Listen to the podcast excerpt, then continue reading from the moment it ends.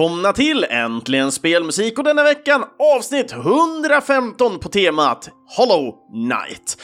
Eh, tanken var väl lite mer att man skulle kanske försökt få in en kompositör här, men i och med att jag inte fått så mycket respons än så länge av de som jag har kontaktat så fick vi slänga in helt enkelt ett soundtrack-avsnitt där vi helt enkelt egentligen bara går igenom ett soundtrack som jag har valt och ett soundtrack som jag verkligen älskar och jag har sett fram emot att gå igenom är då Hollow Knight.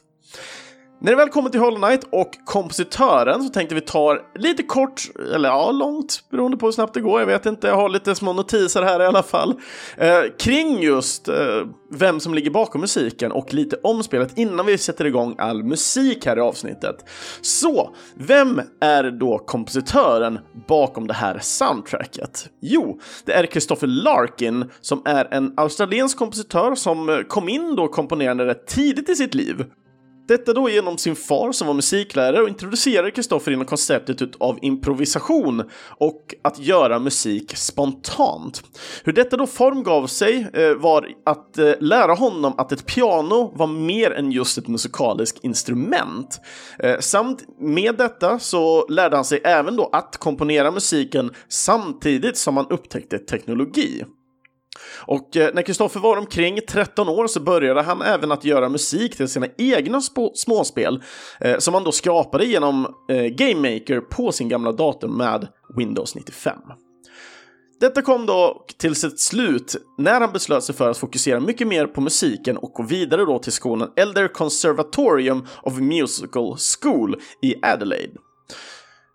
Medan han gick på den här skolan så träffade han producenter från en, en filmskola utav då ett annat universitet som då sökte kompositörer specifikt. Eh, och det var genom det här då som att eh, de här eh, studenterna och producenterna eh, kontaktade då deras lärare, det vill säga Kristoffers lärare. Och läraren i sin tur valde ut just specifikt Kristoffer Larkin och en annan student för att då skapa kontakten mellan dessa två skolor. Efter att projektet då lyckades bra och eh, slutade i en kortfilm, ja, då fortsatte Kristoffer att utveckla sin kunskap och genom en vän så kom han återigen då i kontakt med spel. Men då är ju frågan, när hamnar liksom Hollow Knight i det hela och hur kom Kristoffer i kontakt med studion bakom spelet? Hollow Knight då, det utvecklades av den lilla australienska studion Tim Cherry. Spelet släpptes först den 11 april 2017 och detta då på PC, Linux och Mac. Spelet har sedan dess även portats till Nintendo Switchen som fick då sin release den 12 juni 2018. När det väl kommer till själva utvecklingen av just Hollow Knight så det själva spelet är då endast en liten trio som ligger bakom. Men sett till hela spelet så har vi omkring en 50 personer. Allt då ifrån marketing, speltestare, men även då voice actors och översättare. Ibland även någon del extra för just AI och lite annat smått och gott, men i det stora hela så är det då endast tre personer bakom. Och hur kom då Kristoffer i kontakt då med Tim Cherry? Jo, det var efter att ha sett Hollow Knight via Tim Cherrys då Kickstarter-kampanj. Kristoffer kände ju till eh, just Tim Cherry specifikt, kanske man ska säga då Eric Gibson. Detta då genom ett par andra spelprojekt som Eric Gibson har varit med i eftersom flera av Tim Cherry-medlemmarna har varit aktiva inom just Game Jam-avdelningen. Det finns även ett, ett en liten trivia av att det finns ett Game Jam-spel med Hollow Knight innan Hollow Knight var riktigt Hollow Knight. Men det är inte det vi pratar om nu. Men det var i alla fall det var många kompositörer som då under den här Kickstarter-kampanjen då pitchade sina verk. Eh, så Kristoffer bestämde sig själv för att göra ett demo och helt enkelt skicka då till dem. Eh, och när det väl gäller Tim Cherry så är även de placerade i Adelaide, eh, vilket då Kristoffer medger i en intervju som jag kommer länka i avsnittets länktexter för de som vill läsa vidare på den, hjälpte då till. Eh, att då göra en fysisk kontakt, eh, om man då kan, eh, och då inte nå ut via just e-mail eller Twitter vid sådana här tillfällen. Och det var lite så som allting började och eh, jag tänker att det är lite så vi ska ta och börja musiken den här veckan. Så vi ska ta och köra första låten ut och låten heter Enter Hollownest.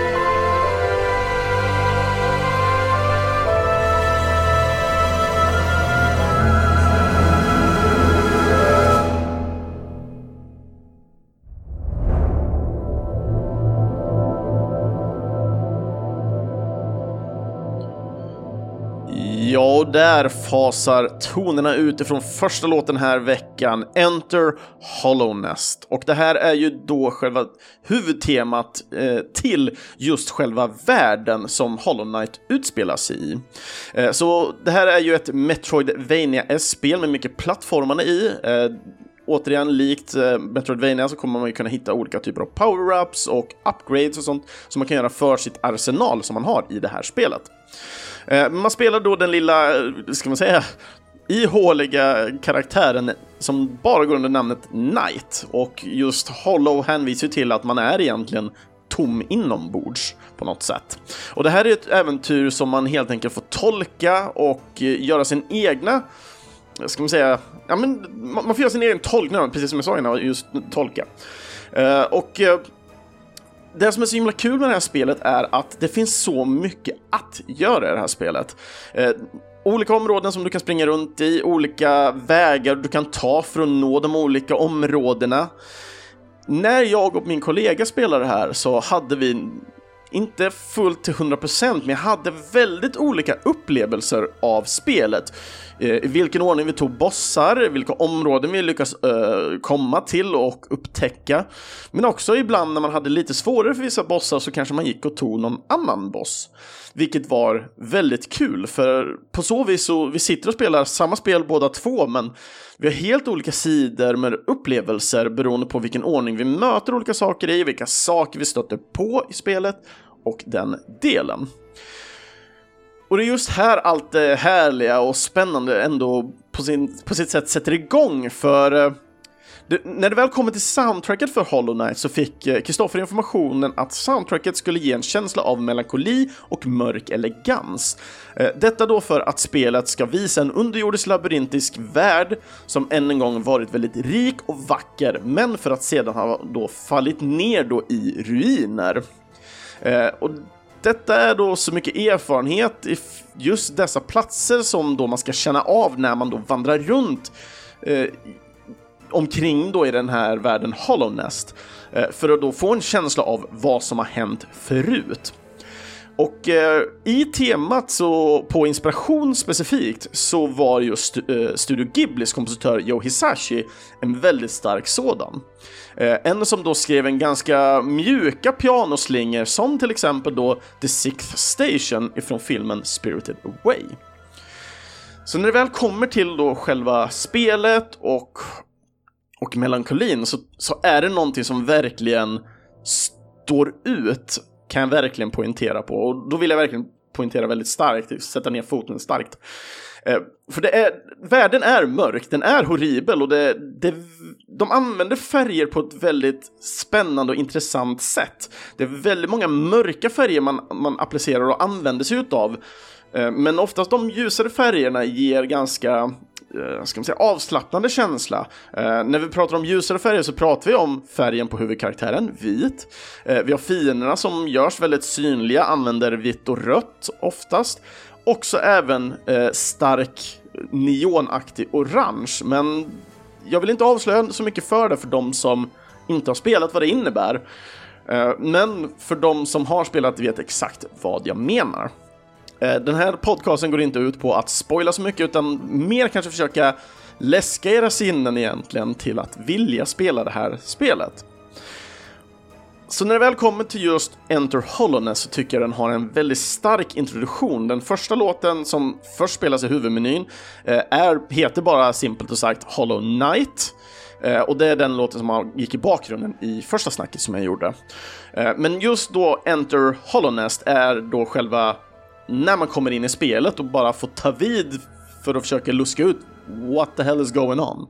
Så du har den här enklare tutorial-området du tar ner innan du då kommer till eh, liksom spelets första, ska man säga, safe haven, eh, det vill säga staden. Här kommer man stöta på olika individer, det finns även shoppar här där du kan köpa på dig eh, det ena och det andra. Och när det väl kommer till spel som man kanske känner igen härifrån, som för min del blev så här, ah, nice, eh, är just att det, jag känner igen liksom uppbyggnaden av själva banan känns väldigt mycket som eh, Steamworld Dig. Eh, då första spelet när Rust tar sig upp och ner hela tiden. Så det, man har lite samma känsla när man spelar Hollow Knight på så vis. Att du kommer upp och så har du lite enklare grejer, lite shoppar och sånt. Och sen hoppar man ner då i första hand då genom en, eh, en brunn för att ta sig ner då för att komma vidare. Eh, och när det väl kommer till designen för just Hollow Knight, det som gör spelet så himla intressant som eh, det spel det är, är just att du har alla de här olika områdena runt omkring. Du har vad som kallas då skill gates, det vill säga att man behöver en ny typ av ability för att kunna ta sig vidare på vissa ställen. Men det finns även några andra små, ska man säga, kikhål. Eh, de här kikhålen gör egentligen att de har en, en större skillkurvatur eh, som man måste ha. Man måste mastera vissa element för att kunna, eller bara egentligen bara vara ihärdig, eh, för att kunna komma vidare. Till exempel så kan du använda walljump på tre olika sätt för att ta dig in i olika områden gentemot att du bara kan göra det på ett ställe på grund av en klassisk skillgate.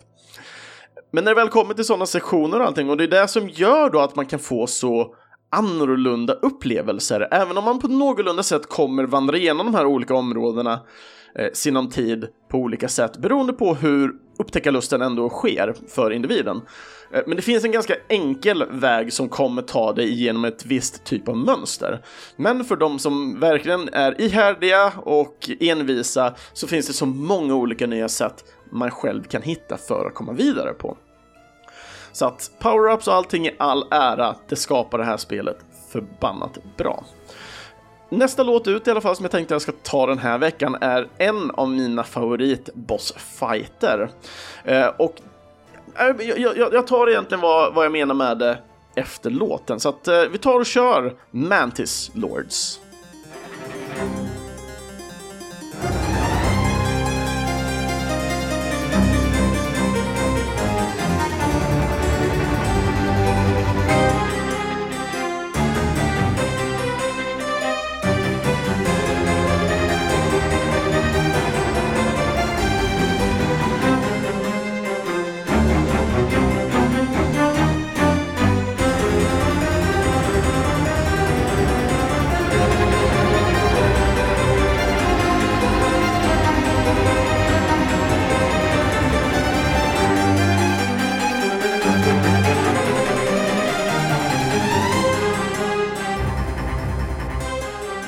Ja, och där fasar vi ut bosslåten Mantis Lords. Och jag älskar verkligen just hur, ska man själva upptrappningen av den här, den kommer väldigt plötsligt och den ger en väldigt stark känsla av någon anledning för min del till Castlevania.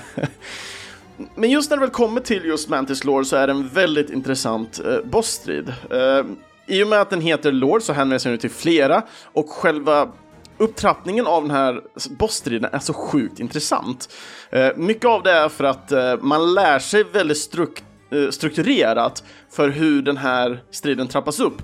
Men det bästa av allt är att den kombinerar på ett väldigt elegant sätt eh, vad man lär sig. Så att du lärde någonting under själva stridens gång och sen handlar det egentligen bara om att försöka lära dig kontrollera den på ett mycket bättre sätt. Och mer än så kommer jag inte gå in på själva bossstriden per se. Men när det väl kommer till just Mantis Lords och vart den, hanter, eh, vart den är eh, spelmässigt sett så är den om, omkring en, en, bit in i första sektionsdelen. Eh, för min del, när jag väl hittade just eh, Mantis-delen så kändes det nästan som jag hittade den på ett väldigt olyckligt, alltså bananskalsmässigt sätt. Jag gled in på den spontant och sen bara, ja, jag var en bossstrid ungefär. Eh, men mycket av det kom väl av att jag just i den här fasen då när jag väl hittade dem var väldigt mycket överallt, sprang omkring och letade och tyckte det var extremt intressant att hitta nya saker. Spelet, likt Dark Souls, berättar inte mycket alls om hur du gör saker eller hur du hanterar saker. Eh, någonting, och nu kommer det som en liten så här tips till alla här ute så att ni inte kanske gör samma exakt fel som jag gjorde. Till exempel när det väl kommer till sågar och sådana saker som kan komma in i spelet och störa dig. Jag försökte hela tiden ta mig runt de här med den skillen man har, alltså kunna röra sig runt, dasha och så vidare. Men det dröjde mig till slutet av spelet att inse att man kan faktiskt slå de här sågklingorna och på så sätt studsa runt och då använda det skillbaserade elementet på så vis och jag, för mig blev det så här, hur, hur kommer man underfund över det här? Eh, för min del så var det att jag fick titta någon sån här Let's Play när jag körde en av de svåraste sektionerna som många kallar The Path of Pain. Eh, det, det, var områden som jag bara kände, nej det här är ju typ omöjligt. Jag måste se vad för typ av skill som gör det här lite, lite lättare. Och då vill jag påpeka, det var inte den första sektionen i Path of Pain för de som känner till den, Eh, där jag väl använde då den här, var tvungen att titta, utan det var den andra sektionen. Så hela den första sektionen har jag tagit mig förbi utan att slå på några sågklingor eller någonting vasst. Vilket gjort då att man kan ta den här extra breathern att hålla sig uppe i luften. Och i det här spelet så, man har ganska grundläggande skills, alltså till när du väl börjar så springer du runt med ditt vapen som ser ut som ett svärd men heter då eh, en nail. Eh, och när du väl vandrar runt där så kommer du ha liksom en enkel, ett enkelt slag och du kommer kunna hoppa. Eh, och sen, du kommer inte kunna hoppa på några fiender, eh, för det is not good. Så det handlar hela tiden om att du ska försöka slå upp, ner, höger, vänster och, och slå bort fienden helt enkelt för, från, från dig. Eh, men du kan samla på dig ja, men lite som medaljonger skulle jag kunna vilja säga. Eh, de har ju namnet Charms i det här spelet. Eh, och de här kan du applicera x antal på. Ju mer du levlar upp på det här så kommer du kunna ha mer charmpoäng och varje av de här charmsen kostar ett visst antal poäng. Och de här charmsen kan påverka väldigt mycket av vad du har för attribut, det vill säga att du kan slå längre, du kan Eh, hoppa högre och, och, du kan få vissa power-ups som att se vart du är på kartan. Eh, du kan se områden som du eh, har varit i lite och få ikoner och dylikt. Även i staden Eh, så kan du köpa på dig nya grejer som gör att du får mer symboler för att kunna göra det lättare. Och för varje område som kommer till så får du även i de här områdena leta då efter en, eh, eh, en cartographer, alltså en kartläggare, för att kunna köpa då kartan för att kunna fylla i den ännu mer. Och när du väl springer runt och söker runt på de här olika områdena så ja, men då söker du och springer runt i dem. Sen måste du ta det till en savepunkt för att kunna ens fylla i de här. Så skulle det vara som så att du är ute och springer och sen dör, då är det bara att göra om allting igen. Tough luck. Det här spelet är svårt, men förbannat kul på grund av sina riktigt tajta kontroller.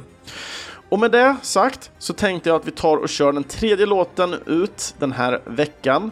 Och den låten heter City of Tears.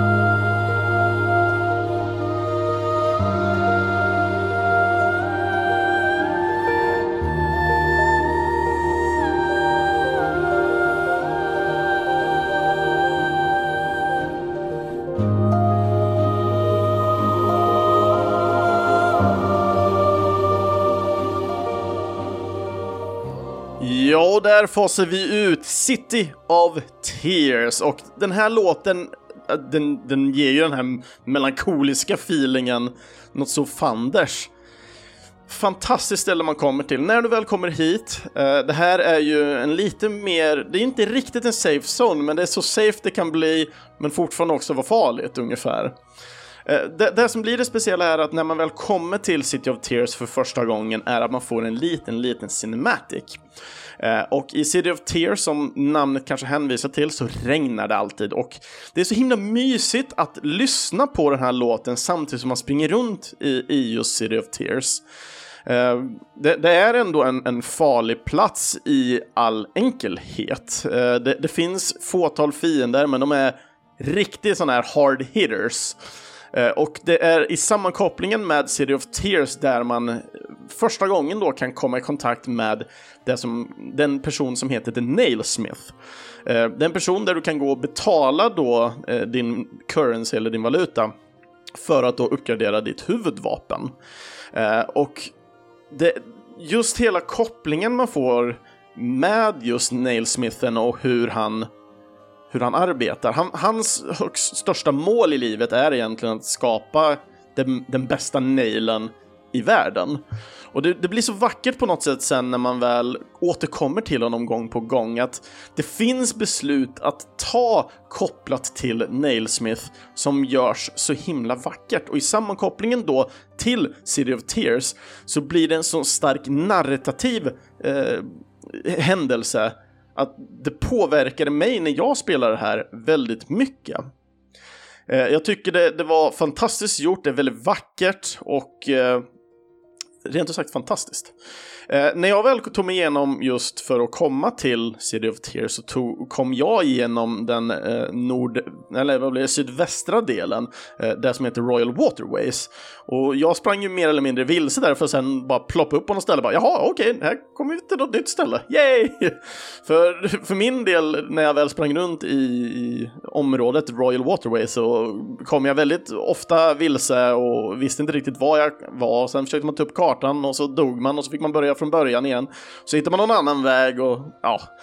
Det, det var ett ställe som man bara gick vilse på hela tiden tills man började kunna kartlägga platsen för att på så sätt få bättre eh, ska man säga, förståelse om sin, sin omgivning. Vilket då underlättar så himla mycket i slutändan. En annan sak som vi inte har gått igenom med är ju att eh, i det här spelet så finns det flertalet grejer som är eh, optional, alltså eh, valfria att göra. Till exempel kan man göra extremt mycket utforskande och i sin tur då hitta eh, extra bossar som det, det finns ingen poäng till egentligen att besegra dem, men det finns ändå lite story kopplat bakom dem och självklart så får, besegrar man dem så får man ju någonting lite extra som kan hjälpa en på vägen. Eh, och eh, just eh, de här bossarna och extra grejerna där eh, är fantastiska att köra och det blir som ett litet extra frö som är jättekul att upptäcka och hitta. Eh, och jag gillar verkligen de här delarna, de kommer gång på gång under, under spelets omgång.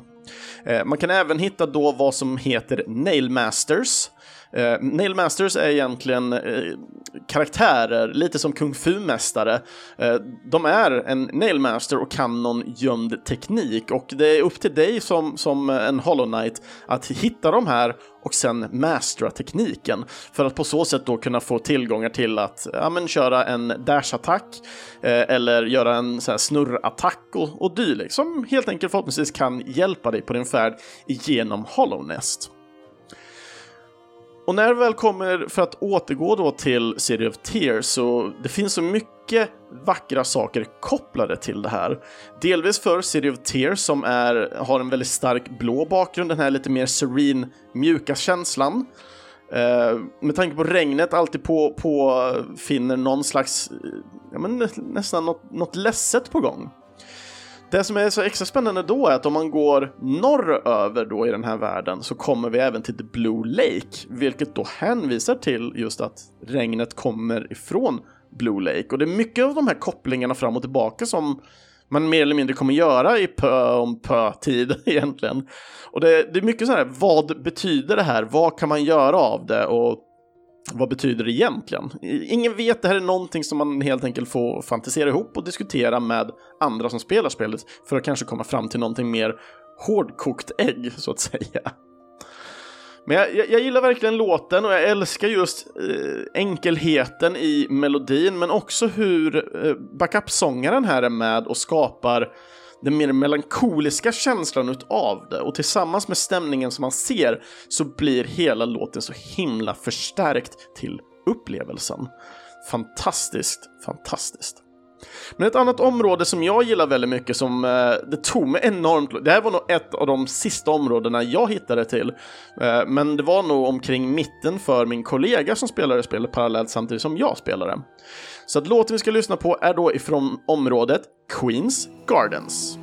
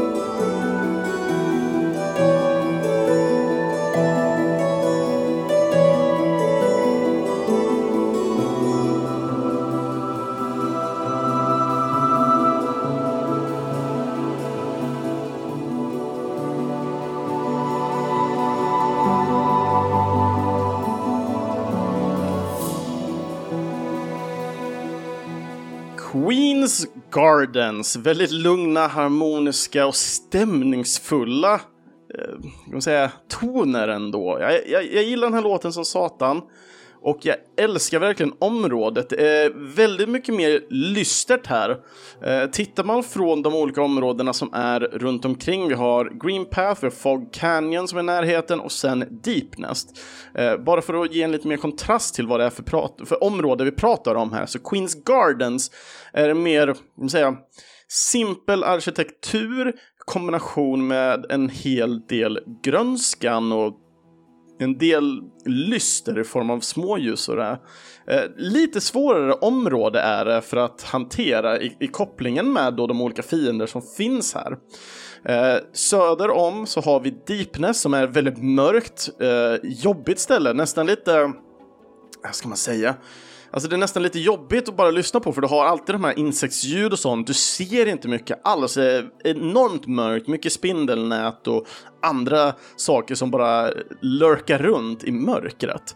Eh, och sen eh, norr om så har vi då The Green Path som är mer eh, någon, eh, ska man säga, eh, överflorerad plats. Alltså det är mycket mossa, det är mycket grönska. Eh, vatten är främst eh, giftig och dylikt. Eh, så att det mycket där blir, eh, alltså kontrasten emellan. Så, så Queens Gardens blir någon slags mellanting mellan då den här över överblommande eh, gentemot mörkret där ingen riktigt vet. Så man får liksom en kombination emellan. Eh, sen har vi Fog Canyon som är återigen lite mer poisonaktigt, men också där har vi mycket mer Eh, en undervattenskänsla i formen av att det är mycket bubblor och det finns en hel del maneter som rör sig runt där. Eh, men också en del andra faror som, som man får eh, försöka ta sig runt. Eh, så när allt det här kommer samman så får man någonting väldigt vackert i, i slutändan. Och Queens Gardens är en, en, svår plats att vara på, framförallt med den här simplare arkitekturen som kommer, vilket gör att det blir inte samma typ av plattformande som man har varit van vid från föregående, speciellt inte från söder och, och norr om. Eh, det blir en väldigt annorlunda del när man bara hoppar från, från stenar och andra saker i Deepness till plattformar och mossiga avsatser i Green Path. Så får den här mellanskillnaden på något sätt som, som känns väldigt unik och härlig. Och det är väldigt eh, fina områden här och just när det väl kommer till de här sparpunkterna, eh, de, de eh, visas som bänkar i det här spelet och de här bänkarna sätter man sig på och sen börjar en gubbe typ skriva på ett papper och så kommer loading-symbolen upp ungefär. Och, eh, när du väl kommer till de här så kan du ju då byta ut dina charms som du har för nästa sektion eh, för att få så bra som möjligt. Så att charmsen kan du inte byta on the fly så att säga. Eh, och de här eh, bänkarna då, de finns lite utportionerade i världen. Men de är överlag ofta vid de här eh, snabba transportsträckorna, det vill säga fast travel-sträckorna. Där finns också alltid en sån eh, savepunkt. Eh, men överlag de som finns ute i världen eh, ligger på väldigt fina, vackra platser. Vilket gör att när du väl sätter ner och börjar skriva så kan du njuta väldigt lätt av naturen omkring dig. Och, och ta till då ja, men nästan fina vistan på något sätt, alltså stora fina områden som man bara kan liksom låta ögonen götta sig i. Och jag tycker det är så fruktansvärt vackert alltihop när du väl vandrar runt och hittar de här bänkarna eller de här magiska platserna som på något sätt känns starkare och upphöjt på grund av dig som spelare i det här spelet. Och det, det, är mycket det som jag gillar med de här, alltså du hittar hela tiden de här väldigt roliga platserna och, och intressena eh, rent naturligt sett när du håller på att spela det här spelet. Och det är mycket det som jag, som jag tycker gör att Hollow Knight får en så stark, kraftfull, eh, ska man säga, in, impact, alltså jag tappade det svenska ordet, men en stark impact på mig som spelare. Inte nog med att spelet är fruktansvärt kontrollbart och enkelt att spela, men det är lite den här klassiska easy to learn, hard to master. Så jag, jag, gillar verkligen spelet i dess enkelhet och vad det är. Men i det här spelet också så finns det ju som sagt väldigt starka utmaningar. Och jag tänkte vi tar och avslutar veckans avsnitt genom att prata lite mer om de här utmaningarna och vad som egentligen kan göra spelet så betydligt mycket svårare. I det här spelet i alla fall så finns det fem stycken eh, slutscener, det vill säga att när du väl har klarat spelet så får du en cutscene som förklarar någon typ av story, även om den aldrig förklaras i någon slags voice line eller den förklaras aldrig med någon typ av text, utan det bara blir någonting och sen får du göra en tolkning av vad det innebär.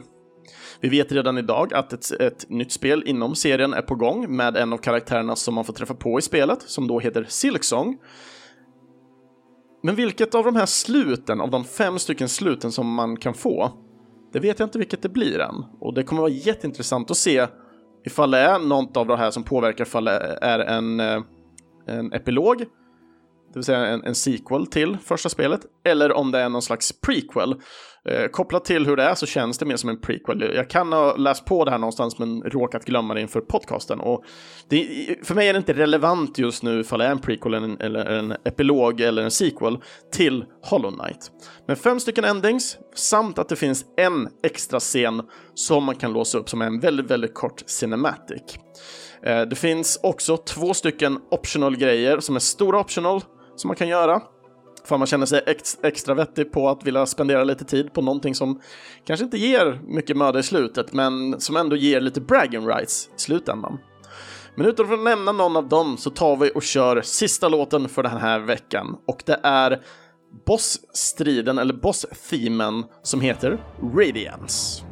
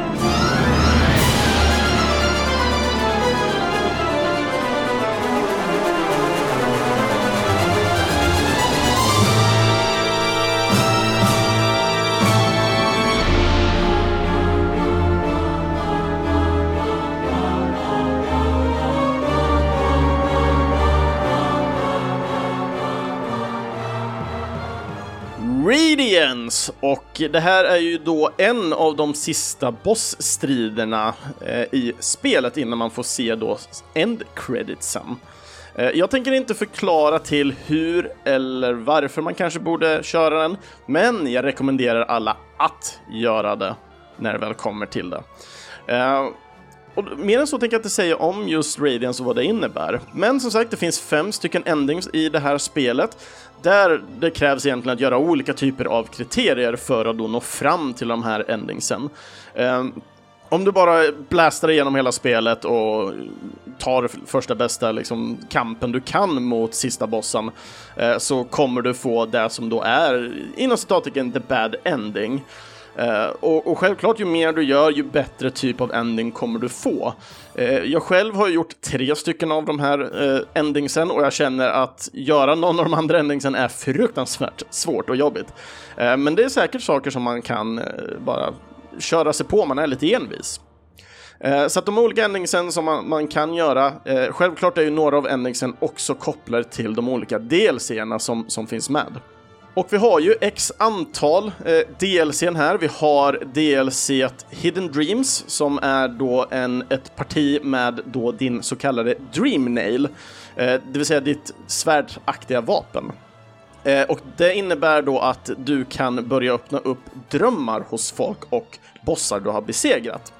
Eh, det gör att du med din Dream Nail då kan ladda upp den och sen slå på en boss eh, av de normalbossarna för att då på så sätt få ett så kallat dream state, vilket gör att du får återigen köra bossstriden.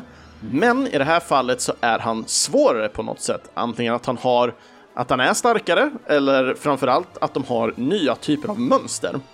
Eh, och när du väl besegrar dem så får du andra typer av fördelaktigheter, vilket påverkar ännu mer av din Dreamnail. Dreamnailen i sig är fortfarande med i originalspelet Eh, för att ta sig vidare i den, men Hidden Dreams applicerar nya bossstrider och Dream States utav samtliga alla huvudbossar. Sen har vi den andra DLCn som heter The Grim Trope som helt enkelt tar cirkusen till stan och applicerar lite mer story eh, av the grim kind. Eh, mer än så tänker jag inte säga om den. Cirkusen kommer till stan och du får göra lite uppgifter åt dem, vilket skapar nya intressanta charms men också väldigt intressanta bossstrider. Eh, återigen här så får vi nästan lite ett intressant eh, möte här med Dreamnailen. Efter det så har vi Lifeblood och efter den så har vi Godmaster. Eh, både Lifeblood och Godmaster, för där har jag inte spelat jättemycket. Godmaster har jag typ inte gjort någonting av alls. Eh, där vet jag att de la till nya strider där man får möta mer eller mindre de här Nailmastersen i seriösa strider. Eh, men återigen, jag har inte spelat många av de här, av det contentet ifrån Godmaster och alla de olika contentsen har även olika typer av ikoner i spelet som gör det enklare att kunna se vad det är som faktiskt är till vad. Och har man releasen, den som heter Void Heart som kom till Playstation 4 eller Xbox One, så får man ju självklart alla de här DLCerna med. Vilket är jätteintressant och väldigt roligt. Eh, flera av de här eh, ska man säga, DLCerna var ju även en hel del gratis. Jag tror det är någon av de här som kostar pengar, men överlag så är det gratis content eh, som, som man enkelt då bara kan installera och spela. Och jag, ja, jag, jag, vet inte vad jag mer ska addera på just DLC-erna där och eh, mer på just eh, Hollow Knight. Men det jag kan göra är ju att gå igenom lite Karuchis eh, kommentar för det här spelet i alla fall. Och eh, han skriver så här kopplat till Hollow Knight, att Hollow Knight är fantastiskt. Eh, för mig är Hollow Knight lite som andra beskriver Souls-spelen. Sinnessjukt svårt, men känns alltid både rättvist och extremt belönande.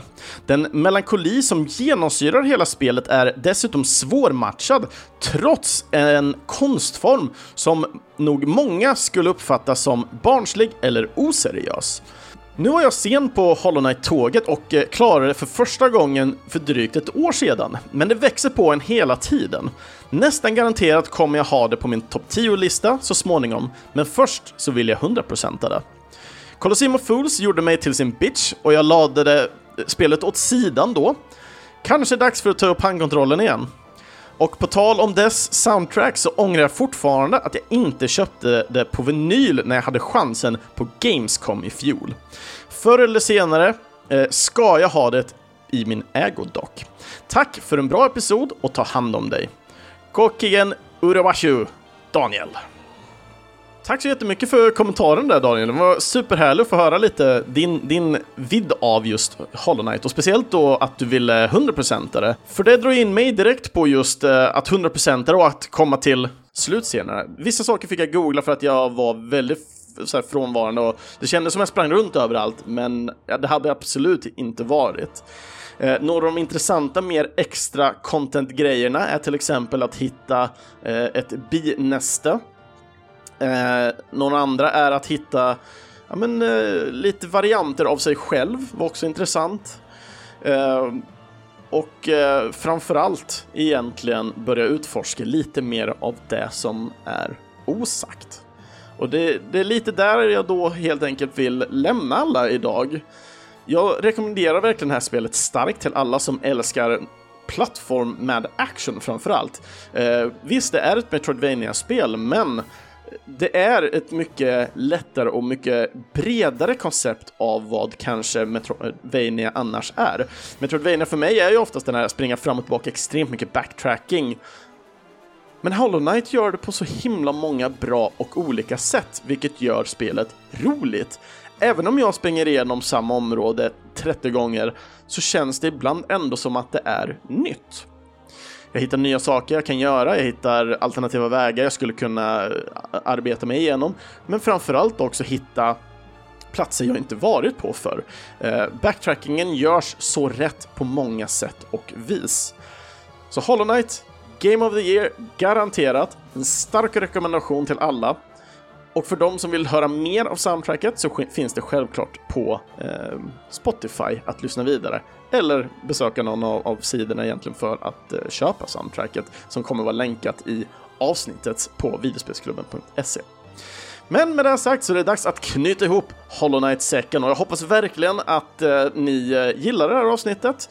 Eh, ni får jättegärna skriva era egna för ni själva har spelat spelet eller inte har spelat spelet. Har ni spelat spelet, kommentera jättegärna med vad, vad ni tycker och tänker om, om spelet. Självklart utan att försöka spoila någonting, så ni får, ni får mer än gärna vara jättekryptiska i det. Med tanke på att jag har spelat det så bör jag förstå er väldigt väl. Eh, för er andra som inte har spelat det, vad tyckte ni om avsnittet? Vad tyckte ni om musiken? Och blev ni peppade på att vilja spela spelet framför allt? Jag ser jättegärna fram emot att höra era kommentarer kring det här avsnittet. Och med det sagt, Andra avsnittet av Äntligen Spelmusik, ja, de hittar ni på videospelsklubben.se, Spotify eller i era närmsta podcastapp. Ni får jättegärna följa och kommentera gärna på sociala medier såsom Facebook och Instagram och då söker ni bara på Äntligen Spelmusik. För jag vill jättegärna lära känna er individer som lyssnar på podcasten. Det är ju flera och flera av er som börjar nu kontakta och det är skitkul verkligen. Och eh, vill ni önska någon låt till nästa avsnitt, för det kommer att vara ett lite speciellt avsnitt, men skriv då i alla fall i kommentarsfältet på antingen videospelsklubben.se, Instagram, Facebook eller varför inte komma förbi vår Discord-server. Eh, länk till den finns via videospelsklubben.se. Och eh, var det som så att ni missade som sagt att kommentera till det här avsnittet för att dela med er av kanske en favoritlåt eller ett speciellt minne då, då till, till det här, skriv då i avsnittets tema i kommentarsfälten.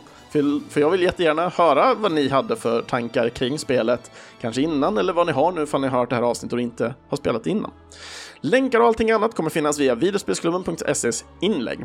Och det går jättegärna bra att stödja Äntligen Spelmusik och framtida kompositörer via våran Patreon-sida. Vi har fortfarande några riktigt underbara backare där. Eh, och jag älskar allihopa som är med och backar och jag hoppas att ni känner själva att ni får möda för det. Annars så får ju ni självklart eh, kommentera eh, ifall det är något mer ni önskar ha som jag skulle kunna erbjuda som kan vara intressant för er som backare. Men surfa gärna in där och donera i alla fall en liten slant för var månad för goda ändamål. Och de nuvarande underbara Patreon-backarna som vi har är idag Mikael Sjöberg. Tack så jättemycket för att du är med och backar.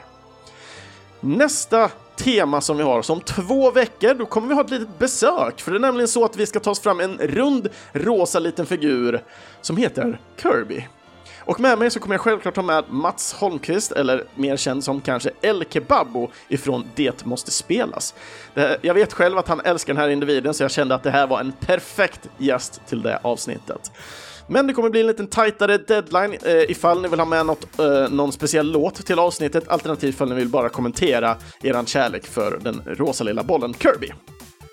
Så med det sagt stänger vi igen allting nu och så får jag helt enkelt önska er alla en helt underbar vecka. Så sköt om er allesammans där ute så hörs vi helt enkelt nästa avsnitt. Hej då!